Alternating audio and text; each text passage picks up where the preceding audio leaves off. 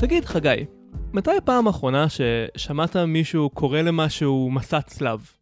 אני לא בטוח מתי שמעתי מישהו עושה את זה, אבל האמת שאני עשיתי את זה איזושהי תקופה.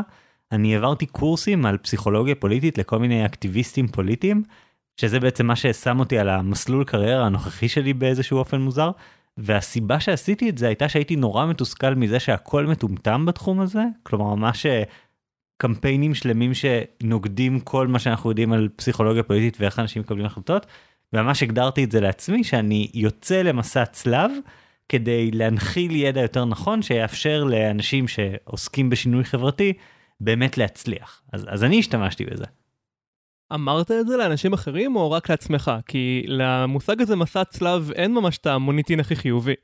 כאילו, ממש ככה התחלתי הרצאות, כזה שלום, אני חגי אלקיים שלם, אני פסיכולוג פוליטי, וב-X שנים האחרונות אני נמצא במעין מסע צלב, שהמטרה שלו היא ללמד את אקטיביסטים איך אנשים באמת מקבלים החלטות פוליטיות. אז כאילו, ממש השתמשתי בזה, ואני מודה שאחרי שקראתי קצת על מסעות צלב, פחות אהבתי את הביטוי.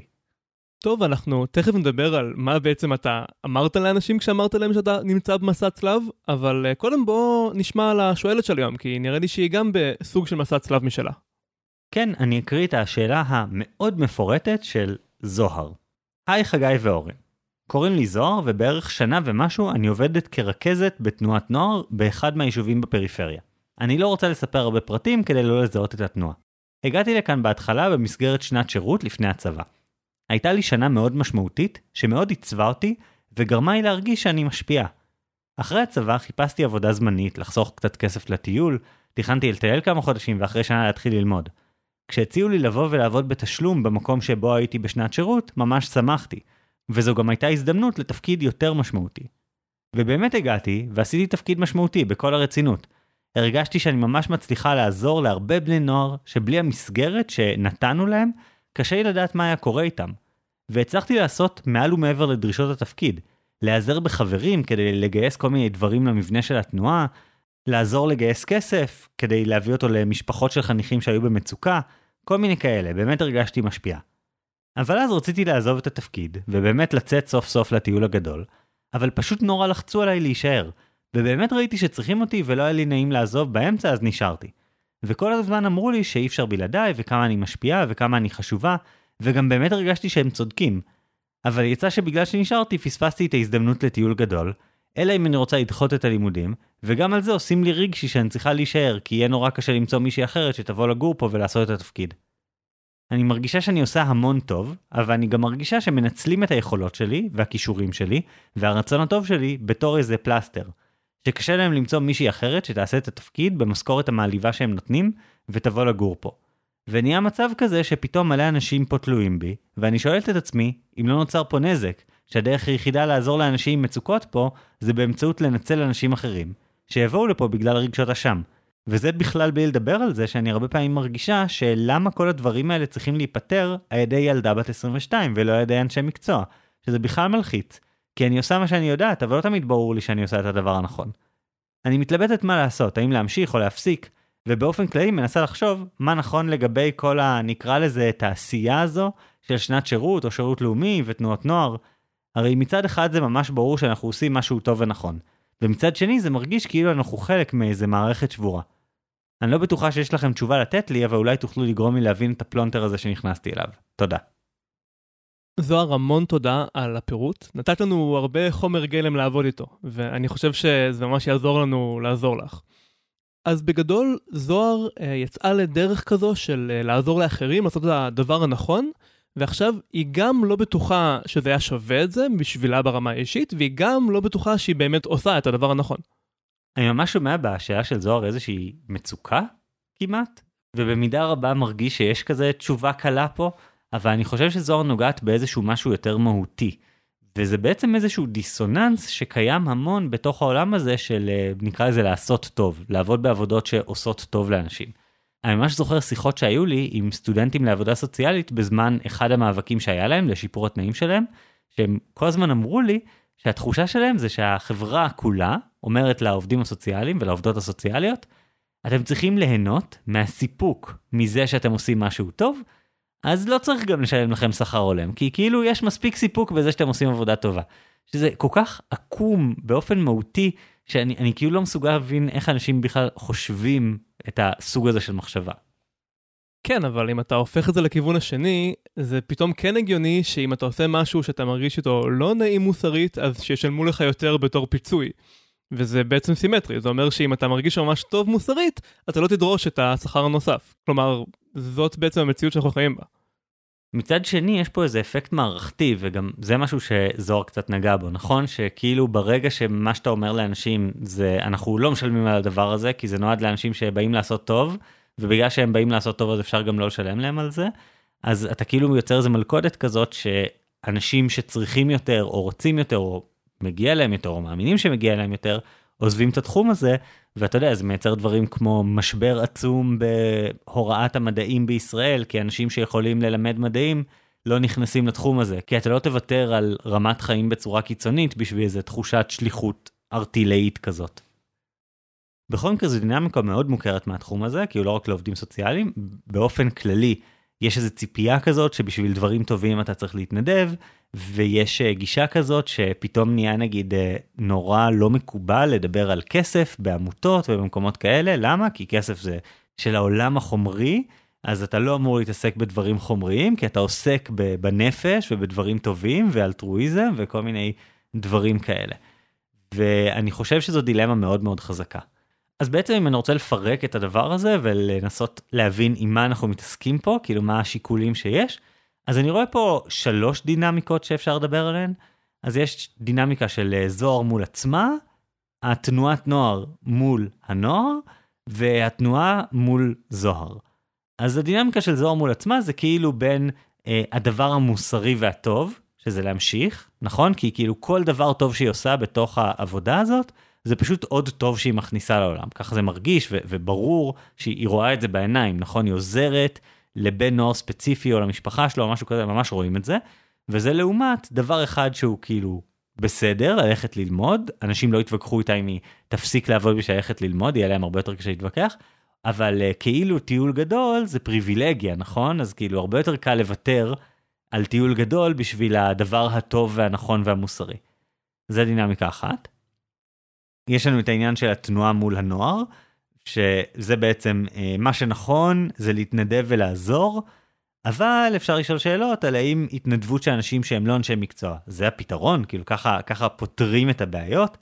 וכמובן יש את השאלה היותר גדולה של האם זה שיש מקומות שהמדינה לא נותנת בהם את התמיכה שהיא צריכה לתת, ואז תנועות נוער נכנסות לשם, האם זה בעצם אומר למדינה זה בסדר שהרמתי ידיים, כאילו יש מי שהרים את, ה, את הכדור הזה, אז הכל בסדר.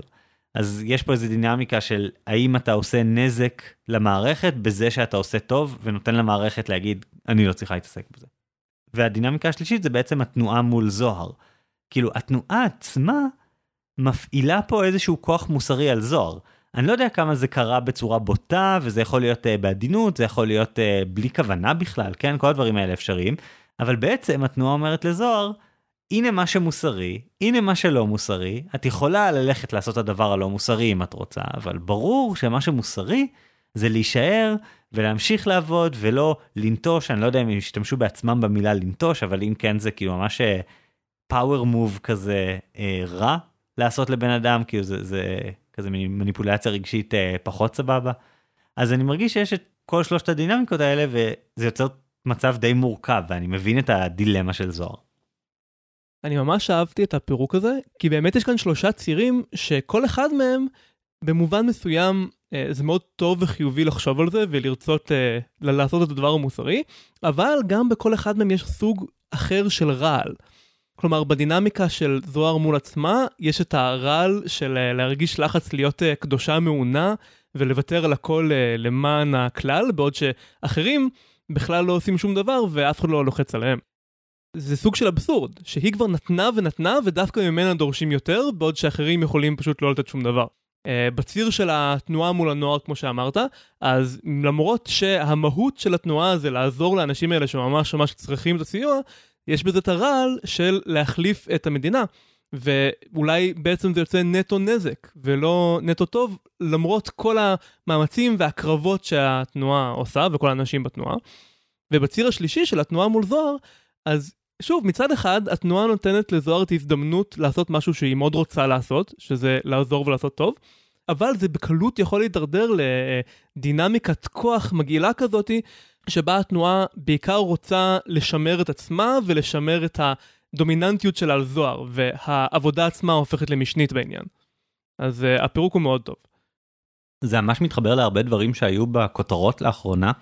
אחד זה הפרשה של uh, עמותת כולן, שאני אשים קישור בהערות הפרק לכתבה שמסכמת את כל הסיפור הזה, אבל בגדול איזושהי פרשה של הטרדה מינית בעמותה שנאבקת בהטרדות מיניות, והתמודדות מאוד לא טובה של הצוות של העמותה עם זה, שבהרבה מהחומרים שיצאו שם רואים איזה גישה כזאת, או איזושהי אווירה כזאת של אנחנו עושות טוב, ומכיוון שאנחנו עושות טוב, זה כאילו נותן לנו יותר אה, אשראי לטפל בדברים אחרת מאיך שאנחנו היינו מצפים שיטפלו בהם. כלומר, כשאנחנו מתלוננות על זה שלא אה, מעיפים בן אדם לחלוטין מכל מסגרת שבה הוא פעיל אם הוא אה, ביצע הטרדה מינית, אבל פנימית אנחנו לא עושות את אותו הדבר, כי אנחנו מרגישות שזה זה נעשה מתוך כוונות טובות, ואנחנו פתאום רואות את זה אחרת, וכן הלאה. וכתבה שממש יום לפני שאנחנו מקליטים את הפרק הזה שודרה בטלוויזיה בעובדה על אה, בית השאנטי, שזה מקום שבאמת אה, נתן מקום לנוער במצוקה ש, שנזרק מהבית. ומצד שני דרש כל מיני דרישות מאוד מאוד קשות, הפעיל כל מיני כלים של אה, חרם ו- ולחץ חברתי בקטע שלילי כדי שבני הנוער יתנהגו באופן שמתאים לתדמית של המקום. ובעצם זה, זה יוצר איזה מקום כזה של ערבוב בין עולמות של לעשות טוב לבין זה ש, שבשם ערכים אפשר להצדיק כל מיני דברים שאתה לא היית רוצה להצדיק. בדיוק, וזה מה שהוביל אותי לדוגמה ההיסטורית, אני חושב, הכי בולטת, אה, לפחות בעולם המערבי, של הדינמיקה הזו, שבו קבוצה של אנשים מסכימים על איזושהי מטרה סופר uh, ברומו של עולם, uh, ראויה וחשובה, והאנרגיות האלה שמתחילות ממקום נורא אלטרואיסטי וחיובי, בסופו של דבר יכולות להצדיק את המעשים הנוראיים והאנוכיים וההרסניים ביותר שיכולים להיות, והאירוע ההיסטורי הזה הוא כמובן מסעות הצלב. אני לא רוצה לשמוע על זה, אבל אני כן רוצה לשים פה איזה כוכבית, שלדעתי מאוד מאוד גדולה. אני לא חושב שזה מצב קלאסי של כאילו יש אה, תשובה נכונה. מאוד קל לצייר את הדבר הזה בתור uh, בשם ערכים עושים מלא מלא דברים רעים ונתנו כל מיני דוגמאות לזה עכשיו. אבל ברור שזה זה לא איזה מצב סופר שחור ולבן נכון כאילו מצד אחד ברור לנו שאנחנו לא נרצה וזה לא הגיוני שזוהר עכשיו תגיד וואלה, אני מקדישה את כל השאר החיים שלי להמשיך להיות רכזת בתנועת נוער הזאת, ולא להתקדם, לא לנסות לעשות יותר, לא לבנות לעצמי קריירה. ממש אה, הקרבה עצמית על, על מלא. זו תשובה שברור לנו וכאן הוא להגיד שהיא לא טובה, הכל בסדר. ומצד שני, ברור לנו שזה באמת שזוהר עושה פה משהו טוב. כלומר, אני לא חושב שאפשר לבוא לדבר הזה ולתת תשובה של, תקשיבי, זה בוודאות ניצול, זה לא בסדר, וזה נורא ציני לבוא ולתת את התשובה הזאת, ו- ואני לא רוצה לתת אותה. אני חושב שמה שהופך את השאלה הזאת לשאלה טובה, והסיבה שהבאנו אותה, זה שאין פה תשובה מאוד מאוד ברורה. אז אמנם אנחנו נכנסים לאחד הדברים אה, הכי מקטבים שאפשר אה, להיכנס אליהם בעולם, שזה מצעות צלב, שאני חושב שנורא קל לאנשים או ממש להיות נגדם, או להגיד זה היה... היה דבר שהציל את התרבות המערבית או whatever. אה, אז אמנם אנחנו נכנסים למקום כזה של דיכוטומיות, אבל אני חושב שהסיפור ש, שעליו אנחנו מדברים הוא לא סיפור של דיכוטומיות, וחשוב לי לשים את זה על השולחן לפני שאנחנו נכנסים למשל, שיהיה ברור שאנחנו לא אומרים פה מה ברור זה רק ניצול, או מהצד השני ברור רק צריך אה, להקריב את עצמך לטובת מטרות, זה, זה מה שהכי חשוב. תשמע, חגי, אה, אני חושב שהרעיון שאיזשהו אירוע היסטורי הוא כולו שחור ולבן, אה, ושיש רק שני צדדים, זה תמיד פשוט מגיע מאנשים שלא מכירים את הפרטים.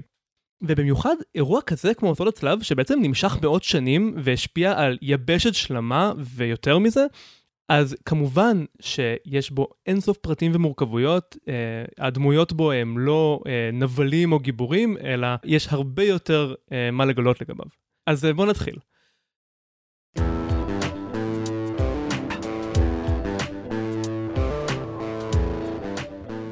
מסעות הצלב תמיד ריתקו אותי, בגלל שלכאורה לפחות מדובר במשהו מאוד מאוד נדיר, אקט ענקי של אלטרואיזם. עשרות אלפי אנשים מכל קצוות החברה, ממלכים ועד איכרים, החליטו ביחד שהם הולכים להשאיר מאחור את כל הרכוש שלהם, כל המשפחה שלהם, ולצאת להרפתקה מטורפת עם סיכון ענקי לחיים שלהם, והכל למען מטרה עליונה, לשחרר את הקבר של ישו מהכופרים. שזו כמובן לא מטרה שכל המאזינים שלנו יסכימו שהיא מטרה חשובה, אבל היא בבירור מטרה אלטרואיסטית. האנשים האלה לא הולכים להרוויח שום דבר ברמה האישית מזה שהקבר של ישו ישוחרר מהכופרים. אז תנסו לדמיין את זה. זה ה-27 בנובמבר 1095 לספירת הנוצרים. האפיפיור, אורבן השני, עומד מול ועידה גדולה של כל מנהיגי הכנסייה ונותן את נאום חייו. הוא קורא לכל הנוצרים מכל המעמדות, אבירים וחיילים רגליים, עשירים ועניים, לבער את המוסלמים מהאדמות של הנוצרים ולהציל את המקומות הקדושים מהטומאה. הוא אומר שירושלים, מלכת הערים, שעומדת במרכז העולם, מתחננת להיות משוחררת. והוא מוסיף תמריץ.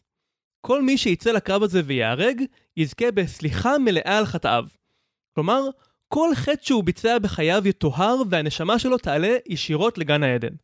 הקהל שלו מגיב בשאגות רמות, דאוס וולט, שזה בלטינית האל מצווה זאת. והם אכן ארזו לדברים שלהם ויצאו לדרך ולא עצרו עד שהם הגיעו לירושלים.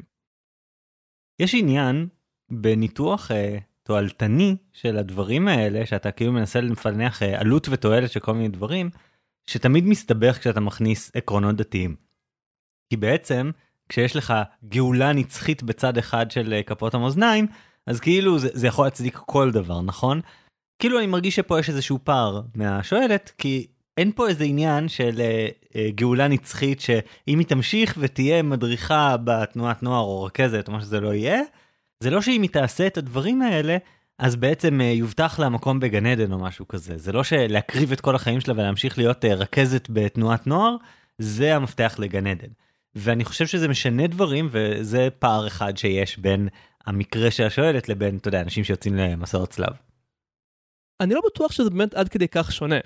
אולי זוהר לא חושבת מילולית על זה שהמעשים שלה ישלחו אותה ישירות לגן עדן, או שאולי כן, אנחנו לא יודעים.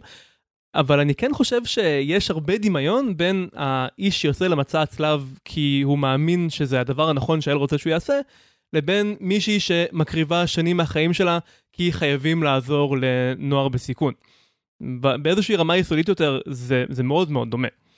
אבל אני רוצה להסתכל טיפה יותר לעומק על מי היו הצלבנים האלה ומה הייתה המוטיבציה האמיתית שלהם. האם זה באמת היה אלטרואיזם טהור או שאולי היו להם גם סיבות יותר גשמיות?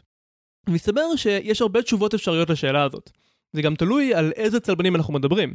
במקרה של אנשים מהמעמד הנמוך, איכרים ועניים מהערים, אפשר להצביע על מגפות, רעב, בצורת ואבטלה שפקדו באותה תקופה את האזורים שמהם יצאו הצלבנים, בעיקר אה, גרמניה וצרפת של היום. זה ברור שהרבה אנשים התגייסו למסעות הצלב פשוט כדי לחפש חיים טובים יותר במקום שהוא רחוק מהאסונות שהם אה, הכירו מה, מהאזור שבו הם נולדו. זה מצד אחד. ומצד שני, זה גם ידוע שרבים מפשוטי העם האמינו באותה תקופה שסוף העולם מתקרב. הם הסתכלו על אותם מגפות ובצורות וכולי, והם ראו בהם סימנים שהנבואות בברית החדשה עומדות להתגשם. וכחלק מהאמונה הזאת הם חשבו שבעזרת האל הם יוכלו להתגבר על כל התנגדות, לצעוד ישירות לתוך ירושלים, ובעצם משם להמשיך ישר לירושלים של מעלה. ולשתי הקבוצות האלה הצטרפו קבוצה שלישית, שפשוט אנשים שראו המוני פשוטי עם יוצאים ונסחפים אל עבר מה שיכול להיות האבדון, ויש אנשים שפשוט הרגישו חובה להצטרף כדי להגן עליהם. אנשים שאולי היה להם טיפה הכשרה צבאית, והם אמרו, אני לא אתן לשכנים שלי לצאת ולמות, אני חייב לעזור להם. או כמו שניסחה את זה ההיסטוריונית אה, זוהי אולדנברג, שאני הסתמכתי עליה הרבה בפרק הזה, היא כתבה, צבא העם היה מורכב מעלובים שלא היה להם מה להפסיד, פנאטים שהיו מוכנים לסכן הכל, מרטירים מרצון, צמאי דם, חוטאים שהתחרטו, והרפתקנים מכל הסוגים. ואפילו קדושים חילונים שפעלו מתוך נדיבות פשוטה. הם צעדו יחד תחת דגל הניסים ושמו את כל מבטחם באל. ירושלים של מעלה ושל מטה התאחדו כל כך בדמיונם, עד שנראה שהם האמינו שניתן לכבוש את גן העדן בכוח הזרוע. אני חוזר על זה שזה מרגיש כמו סיפור גדול מהחיים כזה ומשהו מאוד מאוד מאוד חריג. כלומר זה לא שאנחנו מדמיינים פה צבאות של אנשים שאין להם כלום והדרך היחידה שלהם להציל את נפשם זה ללכת ולהיות מדריכים בתנועת נוער כן זה, זה לא זה משהו הרבה יותר אה, אה, שמימי. אה, אני חושב שהחיבור שכן יש פה זה בעצם את זה ש, שרעיונות מסוגלים לגרום לאנשים במקום הנכון ובזמן הנכון לעשות הרבה דברים שאולי הם לא הכי טובים להם. ואולי הקישור שאני כן הייתי מסוגל לעשות פה, זה כאילו משהו שמתחבר לגיל של זוהר ולתקופה הזאת בחיים. הרי איפה היא התחילה? היא התחילה פה בשנת שירות. היא התחילה בתקופה הזאת בחיים, שבה באמת אומרים לך וממש מדגישים לך כמה חשוב לתת מעצמך לטובת הכלל. וכחלק מהדבר הזה, אה, מספרים לאנשים כל מיני דברים על כאילו מה זה, מה זה אלטרואיזם ומה זה ציונות אפילו וכל מיני דברים כאלה וערכים שאומרים לאנשים הם נמצאים בלעשות שנת שירות, אה, באחרי הצבא ללכת ולעבוד במקומות שבהם אה, אתם תורמים ולחשוב לא על עצמך אלא, אלא על הכלל. אז כאילו יש פה איזה עניין של תראו זה, זה האנשים הפגיעים ביותר. שעליהם אתה מפעיל את המניפולציות, והמניפולציה הזאת לצורך העניין, אם אכן מדובר במניפולציה, כן? פחות הייתה עובדת עליך ועליי, כאילו אנשים בשנות ה-30 לחייהם עם קריירה יציבה, נכון? זה בדיוק במקום הזה שבו וואלה אפשר לתפוס אותך. אני מאוד מסכים. אני חושב שיש דמיון בין האנשים האלה שתיארתי עכשיו, המעמד הנמוך, לבין זוהר לא היום בגיל 22, אלא אולי זוהר בת ה-18, שהסכים לשנות השירות. כי בגיל כזה, אולי אנשים יותר נמצאים במקום הזה שבו הם מאמינים שהם באופן אישי יביאו את הגאולה. כי זה גיל כזה שאתה עוד לא מבין שאתה חלק קטן ממערכת גדולה, אלא אתה חושב שהכל יכול להשתנות אם רק אתה ואנשים כמוך יעשו את הדבר הנכון ו- וישקיעו. אבל אולי עכשיו, בגיל 22, בהתלבטות הנוכחית שלה, היא יותר דומה למעמד הגבוה של הלורדים והאבירים, שהם גם יצאו למסע הצלב, למרות שהיה להם הרבה יותר מה לאבד, ולמרות שכביכול הם יותר יכלו להבין עד כמה הדבר הזה הוא איוולת.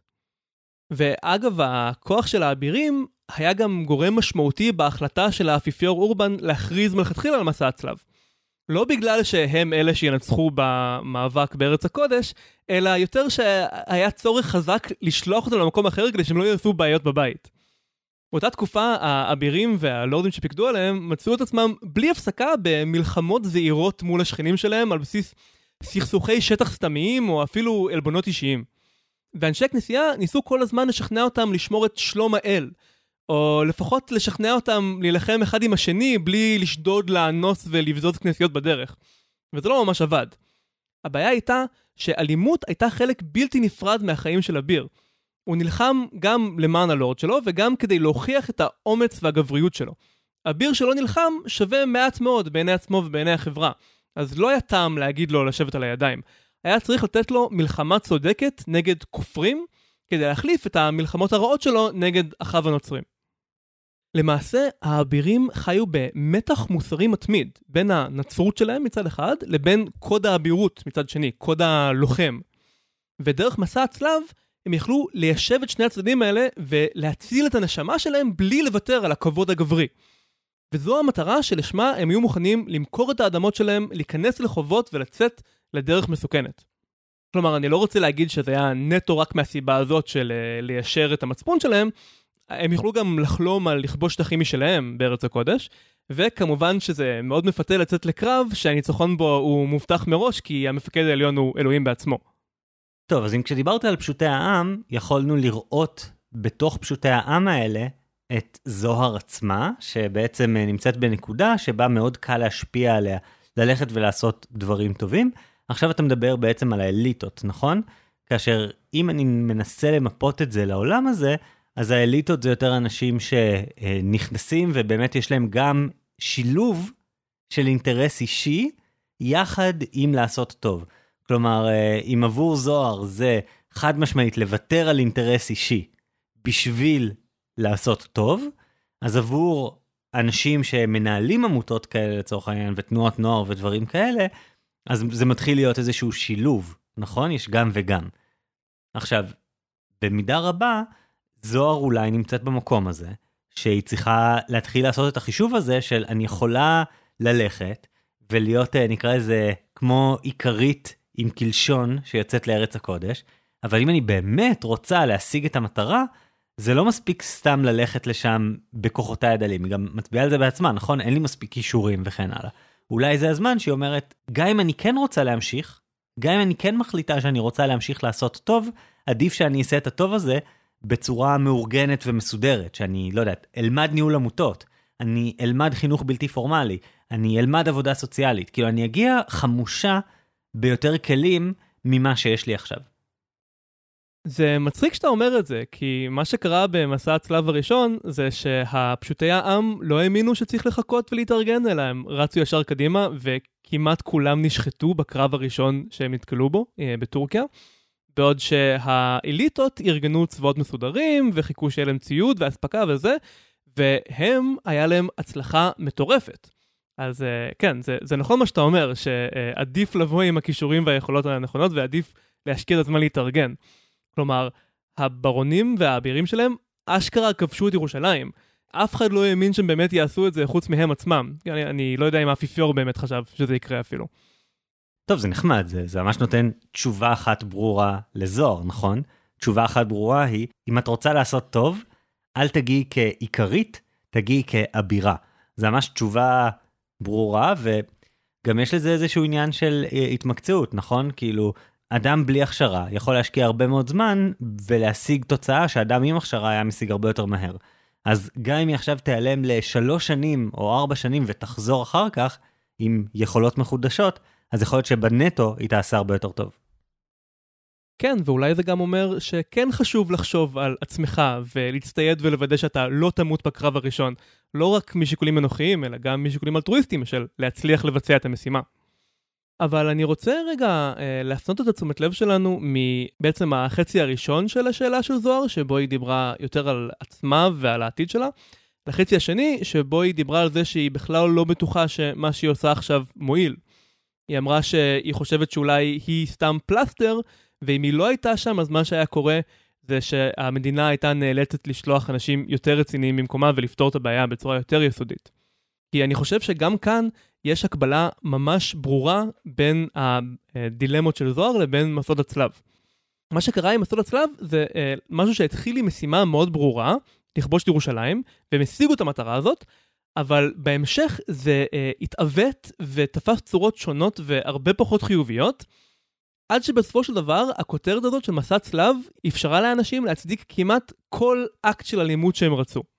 ואני חושב שזה מדגים את הסכנה של להסתמך על כוונות טובות.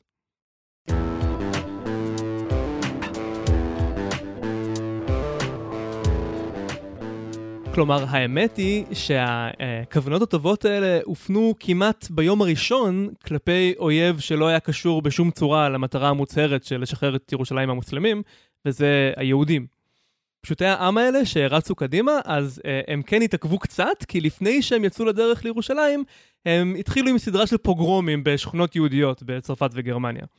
זה קצת מנחם לדעת שמיד אחרי זה הם נשחטו כמעט כולם, אבל uh, עדיין, זה, זה קצת מראה את הסכנה של להגיד לאנשים לצאת ולהרים נשק למען האל, זה, זה לא תמיד אתה שולט על לאן זה יגיע.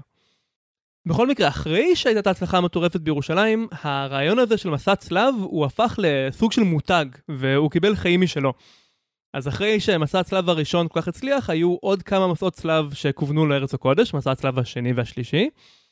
אבל עם השנים, הכנסייה התחילה להשתמש באותו המושג גם בשביל מלחמות שלא קשורות בכלל לירושלים. היו למשל מלחמות לשחרר את ספרד למוסלמים, מה שנקרא הרקונקיסטה. אז זה גם נהיה מסעות צלב. היו uh, מלחמות uh, לכבוש שטחים בצפון גרמניה שהיו שם פגאנים, אה, זה נקרא ונדיש קרוסייד, ובגלל שהאויב הוא פגאנים, אז וואלה זה גם מסע צלב, למרות שלמעשה זה היה פשוט ניסיון של האימפריה הרומית הקדושה להרחיב את הגבולות שלה ממניעים לגמרי רגילים שדוכסים ולורדים רוצים עוד שטח.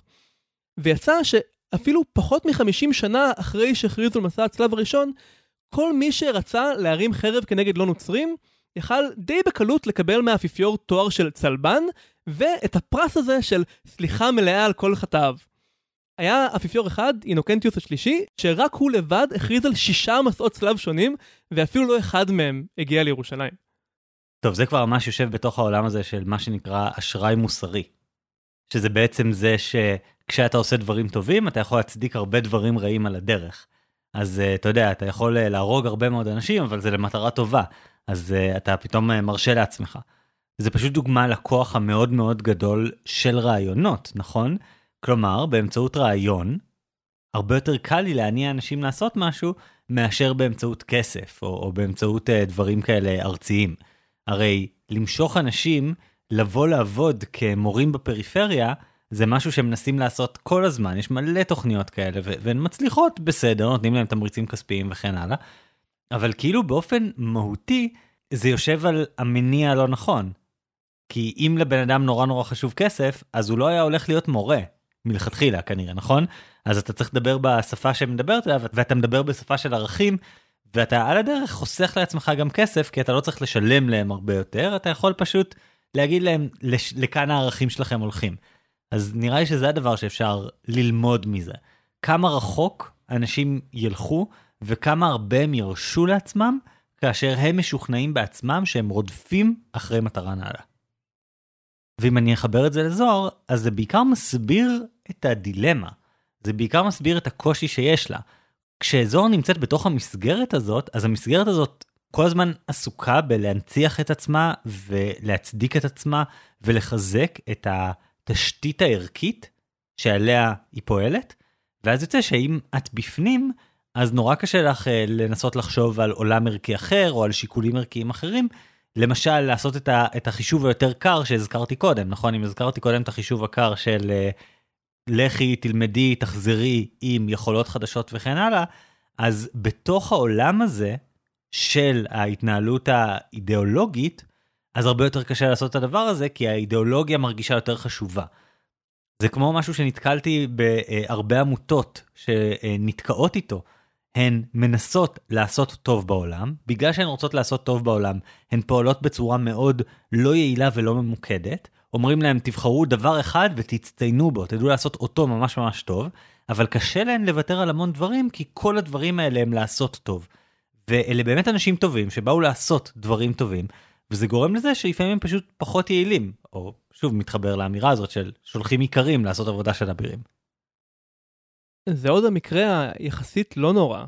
יש גם את המקרים שהערך עצמו והמותג הזה מקבל כל כך הרבה כוח, שכבר אפשר לנתק לגמרי את הקשר בין המותג והדבר שנתן לו את הכוח מלכתחילה, לבין המעשים. כי ברגע שאתה עם הדגל הנכון, אתה אפילו לא מודד את המוסריות של המעשים שלך, כי אתה שייך לקבוצה אה, שהיא בהגדרה הקבוצה הנכונה. וזה מה שקרה בהמשך עם מסעות הצלב. כלומר, במסעות הצלב האלה נגד המוסלמים בספרד או בגרמניה, לפחות הם עדיין נלחמו בלא נוצרים, אבל אפילו זה לא החזיק.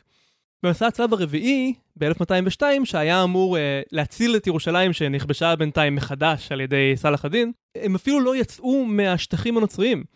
אהבתי את איך שוויקיפדיה מנסחת את זה. בעקבות סדרה של אירועים פוליטיים וכלכליים, הצלבנים בכלל לא הגיעו לארץ הקודש, אלא במקום זה החליטו להחריב את העיר הנוצרית הכי גדולה בעולם. אופס. אז איך זה קרה? הצלבנים האלה היו קצת פחות חדורי מטרה מהדור הקודם. הם התכנסו בוונציה וגילו שאין מספיק כסף כדי לשלם על הספינות שהם שכרו. אז הם החליטו לבחור עיר נוצרית לגמרי לחופי קרואטיה, ופשוט לכבוש ולבזוז אותה כדי לשלם על הספינות. ומשם הם המשיכו לקונסטנטינופול, העיר הנוצרית הגדולה והחשובה בעולם, ודרשו מהביזנטים להביא להם עוד כסף ועוד חיילים כדי שהם יוכלו לכבוש מחדש את ירושלים. הביזנטים לא זרמו, אז הצלבנים החליטו להפיל את הקיסר הביזנטי ולמנות במקומו את אחד הטוענים לכתר, שהבטיח להם שבתמורה הוא ייתן להם את הכסף והחיילים שהם ביקשו. אז הם פתחו במצור על קונסטנטינופול, ובסופו של דבר כבשו את העיר, בזזו ושרפו אותה, ואז פשוט חזרו הביתה כמנצחים. שכחו לגמרי מהעניין הזה של ירושלים, והמוסלמים מצידם המשיכו לשלוט בירושלים, אולי אפילו בלי לשים לב שקרה משהו. אז מסע הצלב הרביעי, שהתחיל עם המטרות הנכונות של מסע הצלב, הסתיים בתור מלחמה של נוצרים כנגד נוצרים למטרת העשרה עצמית. ובאופן קצת מוזר זה נהיה סוג של תקדים.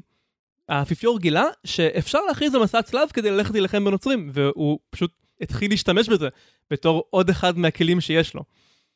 כמה שנים אחר כך הוא הכריז על מסע צלב כנגד זרם בשם הקטרים, זרם נוצרי שלא הכיר בסמכות של האפיפיור, ומסע הצלב הזה נמשך 20 שנה ופגע אך ורק בנוצרים, כופרים יותר או פחות. מי שהוביל את הלחימה היה דוכס צרפתי בשם סימון דה מונפורט, והוא כנראה בנה חזק מאוד על הקטע הזה של סליחה מלאה לחטאים שלו, כי הוא השליט טרור על דרום צרפת והרג אלפי אנשים. שוב, כולם נוצרים. וכשהוא כבש עד לגבול עם מנהיג צלבני אחר, פדרו השני, מלך אראגון, שלחם יחד איתו במסע הצלב השלישי, הוא לא נתן לקדושה האישית של המנהיג הזה לעצור אותו, אלא הרג גם אותו ולקח לעצמו את האדמות שלו. אוקיי, okay, אני רוצה לנסות שוב לקחת את מה שאתה אומר, ולראות מה אפשר ללמוד ממנו, ומה זוהר יכולה לקחת ממנו. אז אם בחלק הקודם של הפרק בעצם דיברנו על ההבדל בין אה, אנשים מאומנים לאנשים לא מאומנים אה, בתוך, ה, בתוך העולם הזה, ועל זה שערכים יכולים למשוך הרבה אנשים לעשות משהו שהם לא טובים בו, להיכשל כישלון מפואר וכן הלאה. אז עכשיו אנחנו פתאום מסתכלים על זה שאנשים עם כוונות רעות יכולים לנצל אנשים תמימים. עכשיו, היה לי מאוד חשוב להגיד את זה בתחילת הפרק ואני אזכיר שוב, אני לא חושב שאנחנו בדוגמת קצה כזאת, באיזשהו סיפור שבו ממש מובהק שלא, שמנצלים את זוהר. אתה יודע, היא לא נתנה לנו את כל הפרטים, זה היה אומנם סיפור מאוד מפורט, אבל אנחנו לא מכירים את הדינמיקה ואת הזה. יכול להיות שעשו את זה נורא בנימוס, יכול להיות שהיא מרגישה הרבה רגשות uh, חובה כלפי המקום, ולכן היא משקיעה בזה את הזמן. יש כל מיני דברים שיכולים להיות, יכול להיות שזה לא ניצול, אבל בעצם כל הסיפורים שאתה נותן עכשיו, הם מצביעים לנו על מה קורה, על איך רואים שמישהו משתמש בערכים בבירור כדי uh, להשתין מהמקפצה, כדי לקדם מטרות שליליות. כלומר, כשאתה מסתכל על הקריאה לשחרר את ארץ הקודש מהכופרים, אתה אומר, יש כל מיני סיבות לזה, יש uh, אילוצים פוליטיים, ויש uh, אפיפיור שצריך את הדבר הזה כרגע כי הוא במצוקה, ויש כל מיני דברים כאלה, נכון? אבל פה אנחנו כבר לא שם, פה אנחנו ממש רואים בצורה ברורה שזה אפיפיור שזה בא לו טוב. שזה סידר לו איזה משהו, זה סגר לו פינה מול איזה יריב. ואני חושב שזה הכלי השני שאנחנו יכולים אה, לתת לזוהר. אני חושב שהסיפור הזה אולי יכול לעזור לנו, ופה אני אפנה אליך ואשאל אותך אם אתה מצליח למצוא את הסימנים האלה, למתי קריאה ערכית כזאת ואידיאולוגית באמת נועדה לשרת מטרות אידיאולוגיות, ובאמת מגיעה מתוך משהו אמיתי, ומתי היא פשוט נועדה להיות מס שפתיים שמכסה על אינטרסים גשמיים לגמרי. תשמע, הבעיה היא שהקו הוא מאוד לא ברור. כלומר, תסתכל על מסלול הצלב. מסע הצלב הראשון, היה לו מטרה מאוד מוגדרת, הוא השיג את המטרה הזאת, ואז הוא הפסיק. מסע הצלב הרביעי, הוא התחיל עם אותה מטרה, אבל uh, מפה לשם הם uh, הרגו נוצרים במקום. ואז, כמה שנים אחר כך, פתאום אנחנו במסע צלב, שבמקום שהוא יהיה uh, לשחרר את ירושלים מהכופרים, פתאום הוא להרוג נוצרים, כי יש איזה דוכס שרוצה להיות מלך. אז uh, איפה זה קרה? איפה עובר הקו? לא כך קל להגיד. אבל אני חושב שכלי שיכול לעזור כאן זה להסתכל על אינטרסים, או הביטוי הלטיני, קווי בונו, שזה אומר מי מרוויח. במסע הצלב הראשון לא ברור שמישהו ממש הרוויח חוץ מ... אתם יודעים, ישו. כלומר האפיפיור שהכריז על מסע הצלב לא היה לו שום רווח אישי מהעניין. כלומר הלורדים שיצאו לדרך כבשו שטח לעצמם, אבל הם גם איבדו מלא מלא בזה שהם החליטו לצאת ולנטוש את האדמות שלהם. אז יש כאן איזה סממן של טוהר אפשר להגיד, אה, בזה שאף אחד לא יצא סופר מורווח. אה, ואתה מסתכל על מסע הצלב נגד הקטרים, והאפיפיור סימן קבוצה של אנשים שהיו איום עליו, והוא פשוט שלח צבא להרוג אותם כדי שהוא ימשיך להיות הכי חזק בנצרות. אז כאן מאוד ברור מי מרוויח. אז אני חושב שזה כלי שיכול לעזור לנו, זה לא תמיד קל, אבל אה, זה יכול לפחות להעלות לנו איזשהו דגל. אוקיי, okay, ואם אני אתרגם את זה לעולם של זוהר, אני, אני לא חושב שיש פה פתרון טוב. כלומר, פתרון אחד שהייתי הולך אליו מאוד בקלות, או נראה שאפשר ללכת אליו בקלות לפחות, זה אמירה, לא יודע, תסתכלי על הדוחות הכספיים של העמותה שבה את מתנדבת, ואת יודעת, אם פתאום זו עמותה שבה המנכ"ל מרוויח מלא מלא מלא כסף, והרבה אנשים מנוצלים בקצה, אז זה סימן שיש איזה אי שוויון, איזה משהו שלא עובד. אבל קשה לי לעמוד לגמרי מאחורי זה, כי לנהל עמותה זה קשה. זה גם עמותה שמורכבת ממתנדבים, צריכה מישהו שינהל אותה בהצלחה ובאפקטיביות. וצריכים שהאנשים האלה יקבלו פיצוי הולם, אנחנו לא צריכים שהם ייענשו בגלל שהם עוסקים בדברים טובים, נכון? זה אותו מלכוד, רק ברמת הניהול. אה, מצד שני, בוא נגיד את זה ככה, יש מקומות שבהם אפשר לראות שהעמותה לא מתנהלת בצורה הכי נכונה שאפשר, שניצול המשאבים הוא לא מיטבי, הקשר בין מה שהעמותה אמורה לעשות למה שהיא עושה בפועל הוא מוגבל. זה דברים שהתייחסנו אליהם בעבר כשדיברנו בפרק 12 שלנו, אה, דחיינות זה כמו סיוע הומניטרי, דיברנו על הספר תעשיית החמלה של לינדה פולמן, שדיבר הרבה על המקום הזה שבו סיוע הומניטרי הופך מהר מאוד להיות אה, מכונה ששמה כסף בכיסים של הרבה מאוד אנשים, ומעט מאוד מזה מגיע בקצה למי שצריכים את זה. אז כאילו, אולי זה עדיין קשה, אולי לזהור זה אפילו יותר קשה מאשר בימי הביניים לזהות אה, אם מסע צלב הוא למטרות טובות או לא, אבל אני מרגיש שיש פה איזה משהו שהצבענו עליו, ואולי בזה היא תוכל להשתמש כדי לזהות האם היא במקום שבו מבקשים ממנה להקריב מעצמה ממטרות טובות, או ממטרות ממש ממש לא סבבה.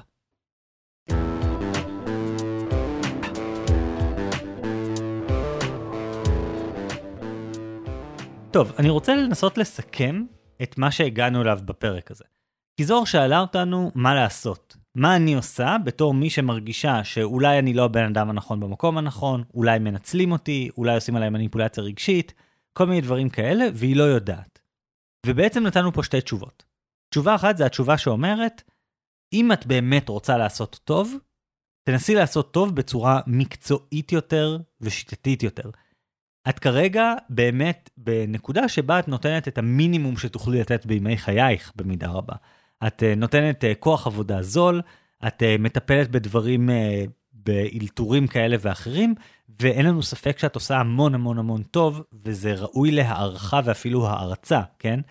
אבל אם את תלכי ותלמדי ותשתפרי, ותחליטי שזאת משימת חייך, לעזור לבני נוער בעיר שבה את עובדת כיום, אם תחליטי שזאת מטרת החיים שלך, את תוכלי לעשות את זה כל כך הרבה יותר טוב, כמו שאבירים יכולים לקדם מסעות צלב הרבה יותר טוב מאשר איכרים עם קלשונות. אז זה דבר אחד. והדבר השני, זה בעצם הכלי שאומר, כל כך כל כך קל להשתמש בערכים כדי לקדם אינטרסים אישיים באיזושהי כסות מאוד מאוד יפה. אז אנחנו מציעים לך להשתמש בכלי הזה כדי לנסות לזהות, ככל שאת יכולה, כמה מהערכים באמת באמת מקודמים, כמה כל השרשרת שמסביבך באמת שקועה בקידום עולם הערכים הזה, וכמה אולי יש פה איזשהו משהו שיותר חורג לעולם של ניצול. זה לא שיש פה מבחן קל, אבל ככל שיש יותר סימנים שמעידים על כך שבאמת הם לא מנסים לנצל אותך, הם באמת מאמינים בערכים שהם מקדמים, כולם, אז לפחות את יכולה להירגע בנוגע לנושא הזה ולהגיד לעצמך, טוב, זה לפחות באמת למטרות טובות. אחר כך תוכלי לשקול את השיקולים של האם זה מתאים לי עכשיו, האם יש דברים יותר טובים שאני יכול לעשות וכן הלאה. אבל לפחות את תוכלי להסיר מעצמך את החשש הזה שמנצלים אותך. האמת היא שזה אפילו יותר מורכב מזה, כי אתה, חגי, רק מדבר על, על uh, מצב שהמטרה האמיתית היא לא המטרה המוצהרת. כלומר, שרצינו uh, לקדש את האל, ובמקום זה אנחנו נלחמים uh, למען חיזוק המעמד של האפיפיור ברמה האישית. אבל אפילו בלי לנטוש את המטרה המקורית, יכול להיות שאנחנו נגלה שאנחנו עושים יותר נזק מתועלת. וזוהר רמזה על זה כשהיא אמרה שבגלל שהיא שם, אז לא שולחים איש מקצוע אמיתי. במסעות הצלב יש מלא דוגמאות גם לזה. במסע הצלב הראשון, שדיברתי עליו עד כה ככזו הצלחה מסחררת, אז uh, ב-1099 הם הצליחו לכבוש את ירושלים, ולשחרר את הקבר של ישו מהכופרים וכל זה, ומה הדבר הראשון שהם עשו? הם פרצו בטבח נוראי שהיה שם דבר בכל העולם המוסלמי ובכלל במשך מאות שנים אחר כך. הם בזזו, הם אנסו, הם רצחו את כל מי שהם פגשו, כי מבחינתם אם יש לך לבוש מוזר, אז אתה כופר, והם לא שאלו אם זה בכלל מוסלמים או נוצרים מקומיים. בספר של זוהי אולדנברג על אה, מסעות הצלב, יש סצנה מאוד דרמטית שממש ממחישה את הסכנה הזאת, וגם את הכוח של הלחימה למען אידיאולוגיה, וגם את הסכנה הנוראית. היא מספרת שמיד אחרי כיבוש העיר, המנהיגים של הצבא הלכו לבקר בכנסיית הקבר, שהייתה בעצם כל הסיבה שהם היו שם. אז היא כותבת, הברונים, יחד עם האבירים שלהם, שטפו את עצמם מאדם והחליפו בגדים. לא כדי לנוח כמובן, אלא כדי ללכת לכנסיית הקבר ולתת תודה לאל ולישו. בחוץ, ברחובות העיר, החיילים שלהם המשיכו לרצוח בפראות עיוורת, משתכשכים בדם ורומסים גופות של חפים מפשע. אבל בתוך כותלי הכנסייה, הברונים והאבירים התפללו ובכו דמעות של אושר בין הנרות וריח הקטורת. הם היו בשערי גן העדן. אז כמובן שבמקרה של זוהר לא הולך לקרות שום דבר נוראי ברמה הזאת, אבל אני לא חושב שזה מספיק רק להסתכל על זה שאנחנו אה, מכוונים למטרה הנכונה. קל ליפול למלכודת שאם אנחנו מנסים לעשות את הדבר הנכון, אז כנראה שמה שאנחנו עושים הוא נכון. אם הלב שלי טהור, אז המעשים שלי טהורים. וזה פשוט לא נכון. אז במקרה של זוהר, שוב, בצורה הרבה הרבה פחות נוראית, יכול להיות שהנוכחות שלה באותה עיירה בפריפריה היא נטו נזק. היא חייבת לחשוב גם על זה. יכול להיות שהדבר הנכון לעשות לא בשביל עצמה, אלא בשביל הנוער בסיכון. הוא לקום וללכת ולתת למשהו טוב יותר לקחת את המקום שלה. אתה יודע, זה מתחבר לאיזושהי דילמה שהייתה לך ולי בפודקאסט הרבה מאוד פעמים. קיבלנו יותר מפעם אחת שאלה שבאמת עסקה בנושאים אה, הרבה יותר מדי כבדים בשבילנו. נושאים שקשורים לאנשים שנזרקו מהבית שלהם, אה, או אנשים שנמצאים באיזה סכנה לסכסוך מאוד מאוד עמוק עם אה, כל הרשתות תמיכה שלהם. בלי להיכנס לפרטים, התגובה שלנו לכל המקרים האלה הייתה להפנות אותם לעזרה מקצועית. כי אנחנו הבנו שנכון, אנחנו יכולים להגיד, טוב, זה לעשות טוב, נכון? אנחנו נבוא ואנחנו ניתן להם פרספקטיבה, נעזור להם להבין שמישהו שומע אותם וכל הדברים האלה, אבל ידענו שאנחנו לא אנשי מקצוע, והמעורבות שלנו יכולה לעשות נזק גם כשאנחנו לא יודעים בעצמנו מה הנזק הזה.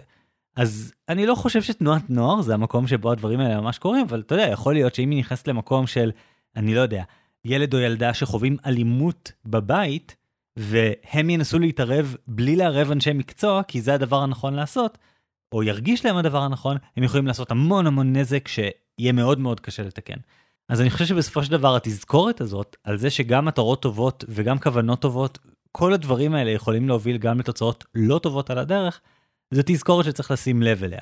והדבר היחיד שיש לי להגיד לזוהר לסיכום זה שאני יודע שאולי לא נתנו לה את התשובות הכי חותכות שאפשר, אבל זה כי זה באמת דבר מורכב. זה באמת סיטואציה שאין לה תשובות טובות או רעות. ואנחנו מקווים שהיא לא תיכנס למורכבויות היותר גדולות שדיברנו עליהן במהלך הפרק, אבל אנחנו גם מקווים שהזווית ראייה הזאת עזרה לה ולכם להבין יותר טוב את הכוח של רעיונות, להניע המון המון המון פעולה גם למטרות טובות וגם למטרות שהן ממש לא. ולכל הפחות זוהר, אני מקווה שעכשיו, לא משנה מה תחליטי, את תוכלי לעשות את זה בלב קצת יותר שלם, ולא בתחושה שיש את התשובה הנכונה, ואת איכשהו לא הצלחת להגיע אליה. אז תודה רבה על ההאזנה. אנחנו מזכירים לכם לעשות לייק לעמוד הפייסבוק שלנו, להצטרף לקבוצת הפייסבוק שלנו, חובה להשוות, לשתף את הפודקאסט עם חברים וקרובי משפחה שעשויים להתעניין, והכי חשוב, לשלוח לנו עוד שאלות, עדיף מפורטות כמו של זוהר, כדי שנוכל לייצר עוד פרקים על עוד נושאים מפתיעים. כן, ואנחנו גם מאוד אוהבים אה, שאלות או תגובות אה, בשמע, רק אה, את התגובות בשמע תנסו להגביל דקה ככה. בפרק הבא אנחנו נסיים לסדרה על ימי הביניים עם פרק על אחת הדמויות הכי מרתקות של התקופה הזאת, שהיא עמוסה בדמויות מרתקות, מרטין לותר, ששינה את אירופה לחלוטין רק בכוח הרעיונות שלו. אני אגיד שיש איזה ספוילר קטן שזה לא בהכרח רק כוח הרעיונות שלו, אבל בסדר, זה הנושא של הפעם הבאה. אז עד אז, אני אורן ברנשטיין. אני חגי אלקיים שלם. ונתראה בפעם הבאה עם השוואות חדשות.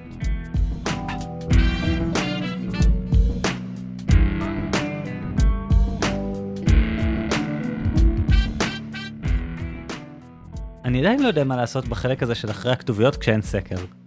כן, אני חייב את הזריקת האדרנלין הזאת בסוף, של לדעת אם ניצחתי או הפסדתי, אחרת אה, אני לא יודע מה לעשות עם עצמי.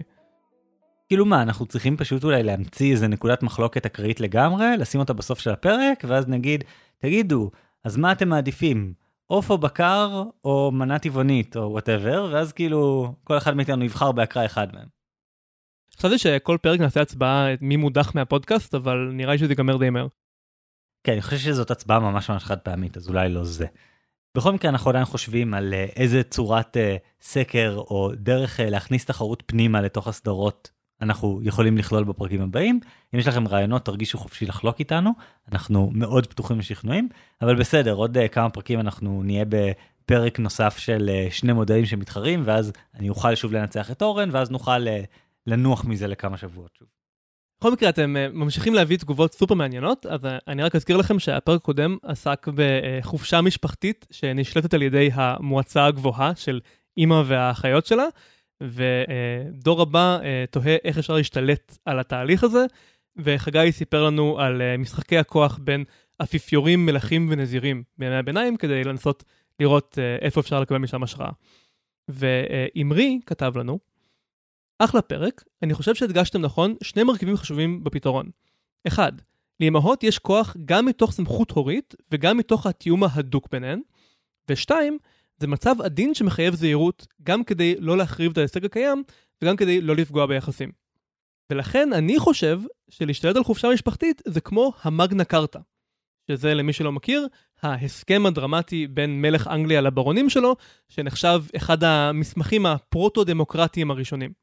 אז אה, אמרי ממשיך. צריך להכיר בסמכות העליונה בקרב האימהות, שהוא כמו המלך, ולהשאיר את הסמכות הזו, כי רק להן יש את היכולת להשאיר את כל בני הדודים בתוך המפגש, שזה כמו להשאיר את כל הברונים מסביב לשולחן, ולמנוע התפרקות כללית. ומהצד השני, צריך שקבוצת ברונים מתואמת מראש, תשקף לאמהות, בטוב, ולא לקראת טיול, שהם רוצים יותר עצמאות בבחירת התוכן. אחרת, הם לא ייהנו ויתחילו היעדרויות. והם רוצים שהילדים יעשו ברור על הרצון הכללי של הדור שלהם, ויקבעו אותו כחלק מתכנון למסגרת הטיול. מסגרת שתוגדר בתיאום מול האימהות. ובמקביל, להבהיר שעל פי הכיוון הכללי שיוסכם, האימהות הן אלה שקובעות את המפגש המשפחתי מבחינת מועד, ואולי אפילו יעד ברמת מדינה, הן נשארות המלך. ככה מרוויחים מהיתרון של האימהות, מבחינת הסמכות שלהן, עוזרים לגרום לטוב כללי משופר, יוצרים קואליציה מינימלית בהשקעה ובעלות, ומשיגים עוד כוח בהפיכה שקטה, בלי לערער את הסדר הקיים, ותוך פעולה בחסות הלגיטימציה של הסדר הקיים. וואי, איך אני מת על הפתרון הזה, זה פתרון מושלם. זה ממש סוג החשיבה שאני הכי אוהב, כאילו המהפכות באופן כללי, של איך לאט לאט השלטון בבריטניה נעשה דמוקרטי, שזה הזוי, כאילו לא הייתה מהפכה ממש, הדבר היחיד שהיה זה המהפכה המהוללת, שהחליפו מלך אחד במלך אחר, זה, זה הכי מהפכה שהיה שם, ובעצם לאורך מאות שנים, הם לאט לאט העבירו יותר ויותר סמכויות, והכל מתוך הבנה של המלך שצריך לשמור על המסגרת, אבל גם האצילים, ואחר כך גם uh, פשוטי העם באיזשהו מקום שאמרו, אנחנו צריכים את המלך בשביל המסגרת, אבל אנחנו צריכים יותר סמכויות. זה ממש חשיבה יפה, ואני גם אוהב את, ה, את ההפניה ל, ל, לתקופה היסטורית מאוד מאוד קרובה, ולאיזשהו נקודה בימי הביניים שבאמת הגדירה בצורה ממש מעניינת את uh, איפה יושב הכוח. כן, אני הזכרתי בכמה מילים את המהפכה האמריקאית, אבל אני חושב שבאמת אה, בריטניה זה מודל הרבה יותר טוב במסגרת משפחתית, שבו אנחנו לא רוצים להעיף את המלך לכל הרוחות, אנחנו לא רוצים ליצור נתק, אנחנו רוצים לשמור כמה שיותר את כולם ביחד, אבל לתקן את יחסי הכוחות. אז אה, זה מודל מעולה. והתגובה הבאה שנקריא של לילך. לגבי ההערה בסוף הפרק על ההשפעה של האקלים על ההיסטוריה. זכור לי שראיתי בגיל ההתבגרות דוקומנטרי מדהים על עידן הקרח הקטן של ימי הביניים והשפעות הלא צפויות שלו על התרבות. אז למשל, כינורות סטרדיווריוס המפורסמים נותנים צליל ייחודי, כי העצים שמהם הם עשויים גדלו בעידן הקרח הקטן, מה שאומר שהעץ יותר צפוף למניעת התבקעות. האומנות למשל מאוד הושפעה מזה. המון שנים חוקרי האומנות לא הבינו למה הציורים היחסית אפורים ומדכאים ביחס לציורים שצוירו לפני ואחרי, והיום אנחנו מבינים שפיזית היה פחות אור, היה יותר מעונן, ולכן אנחנו רואים אומנות קודרת יותר ביחס לרנסאנס, שבו היה יותר אור. זה היה המקום הראשון שבו שמעתי את התיאוריה של נדידת העמים בגלל שינויים אקלימיים, ואני זוכרת שאימא שלי הייתה בשוק מזה. היום זו כבר תיאוריה מפורסמת וידועה. כן, זה סופר כיף להרגיש שיש איזושהי מהפכה בהבנה של ההיסטוריה, ואני חושב שזה ממש אה, בעיצומו בימים אלו, ואולי עוד 10-20 שנה, יהיו עוד סיפורים מעניינים כאלה על איך האקלים יצר תקופות היסטוריות וכל מיני דברים שאנחנו חושבים עליהם בתור תופעה תרבותית או טכנולוגית, היה להם בעצם מרכיב אקלימי מאוד חשוב. והכל מתחבר למשהו שאנחנו ניגע בו בעצם בפרק הבא. יש הרי את השאלה המכוננת, אחת השאלות המכוננות הגדולות של תחום ההיסטוריה בכלל, נכון? האם היסטוריה זה אה, אנשים גדולים, או נקרא לזה זרמי ההיסטוריה? האם יש אנשים שבגללם ההיסטוריה הלכה לאן שהיא הלכה, או שבכל מקרה היא הייתה הולכת לכיוונים האלה.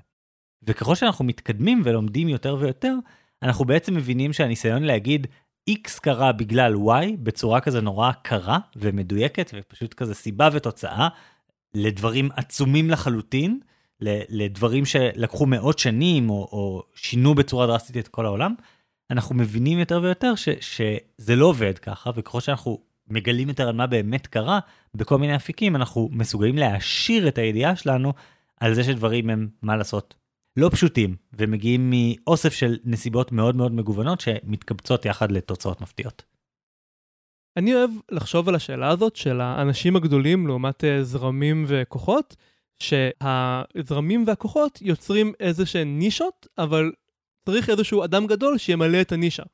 כלומר, אולי נפוליאון היה יכול להיות נפוליאון רק באותו זמן ומקום, אבל אם לא היה אותו, ההיסטוריה הייתה נראית מאוד אחרת. הוא נכנס לנישה, ואם הוא לא היה נכנס לשם, אז מישהו אחר הוא היה נכנס לאיזושהי נישה אחרת, שהיום אנחנו בכלל לא מזהים אותה, כי לא היה את האדם הגדול שייכנס אליה. כאמור, אנחנו נחזור לשאלה הדי דרמטית הזאת בפרק הבא, כשנדבר על מרטין לותר. אוקיי, okay, אז אה, בואו נמשיך למה קראנו הפעם, וכמו שאמרנו פרק קודם, אנחנו אה, מנסים אה, להצטמצם לכמה המלצות מרכזיות. אז הספר שאני קראתי בשביל הפרק הזה, נקרא פשוט מסוד הצלב, של זוהי אולדנברג, שהיא היסטוריונית צרפתית.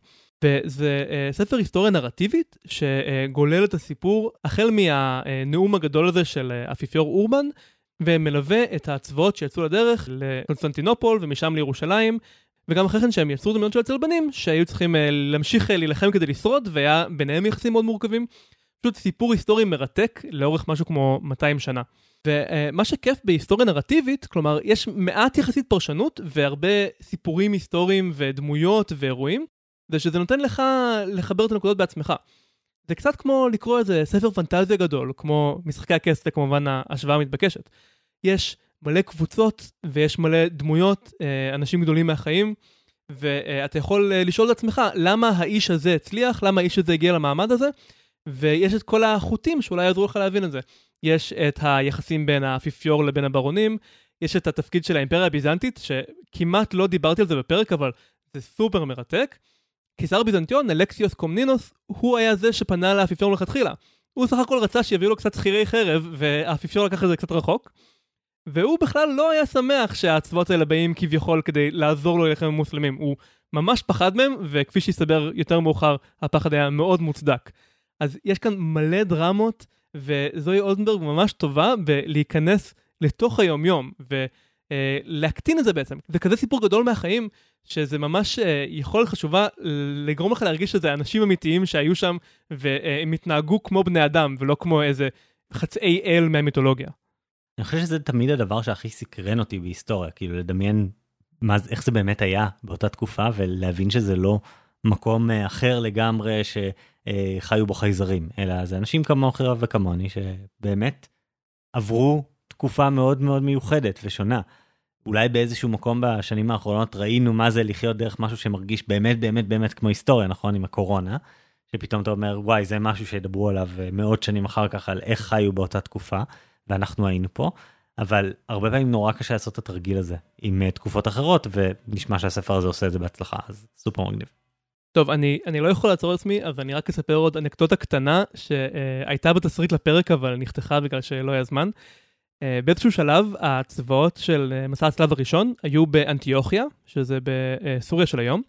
אחרי מצור הם כבשו את העיר, ואז היה מצור עליהם, כי הגיע הצבא שניסה להציל את העיר, ובגלל שזה היה מצור שני ברצף, כבר ממש לא היה אוכל, הצלבנים היו סופר עייפים ורעבים, בחוץ היה פי שתיים חיילים מאשר בתוך העיר, ונראה שהמצב אבוד. אבל אז איזשהו כומר זניח שהיה חלק מהצבא, טען שהוא גילה בתוך אנטיוכיה את הרומח הקדוש. שזה רומח שחייל רומאי השתמש בו כדי לדקור את ישו. והגילוי הזה של הארטיפקט הקדוש מילא את הצלבנים בכוח מחודש, וזמן קצר אחר כך הם פשוט פתחו את שערי העיר ויצאו, וצבא של 20 אלף צלבנים עייפים הביס צבא של 40 אלף מוסלמים טריים לחלוטין, וזה בעצם הכל בזכות הכוח של האידיאולוגיה או של האמונה או מה שתרצו. וזוהי אולדנברג מציינת שיש סיבה טובה להאמין שהמנהיג של הצבא ממש פיקפק ברעיון שזה הרומח האמיתי, והיה משוכנע שזה סתם חתיכת מתכת שהכומר הזה מצא בזבל, אבל הוא הבין את החשיבות של האמונה, והוא הבין שאם הוא רוצה שלצבא שלו יהיה מורל, הוא חייב להיות all in על הרעיון הזה, אז הוא בנה לרומח הקדוש בית מזהב ויהלומים, והוא צעד בראש הצבא עם הדבר הזה, ובגופו הראה כמה הוא מאמין ברומח הקדוש, למרות שהוא תכלס לא האמין. זו עוד דוגמה אדירה לכוח של רעיונות, לגרום לאנשים לעשות דברים מופלאים ולהגיע להישגים די דרמטיים. זה כאילו חרב פיפיות ממש ממש מובהקת, נכון? כאילו זה יכול להשיג הישגים ממש ממש חזקים, אבל גם, כמו שראינו, לשמש למטרות ממש נוראיות. טוב, אז כמובן שגם אני רוצה להמליץ על ספר אחד, והספר הוא ספר שהזכרתי במהלך הפרק, שזה תעשיית החמלה של לינדה פולמן. אז כאמור זה ספר שהזכרנו בעבר בפודקאסט, בפרק 12 שלנו, אבל הוא ממש ממש מתחבר פה, בעיקר לצד של הנמשל, של הסיפור של זוהר.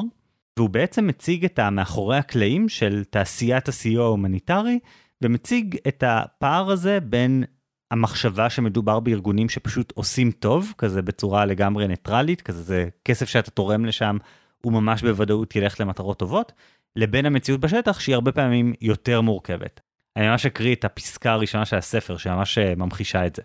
תארו לעצמכם שאתם עובדים בסיוע הומניטרי בינלאומי באזור לחימה, ואתם נאמנים לעקרונות הצלב האדום, כפי שכל אדם העוסק בסיוע הומניטרי צריך להיות.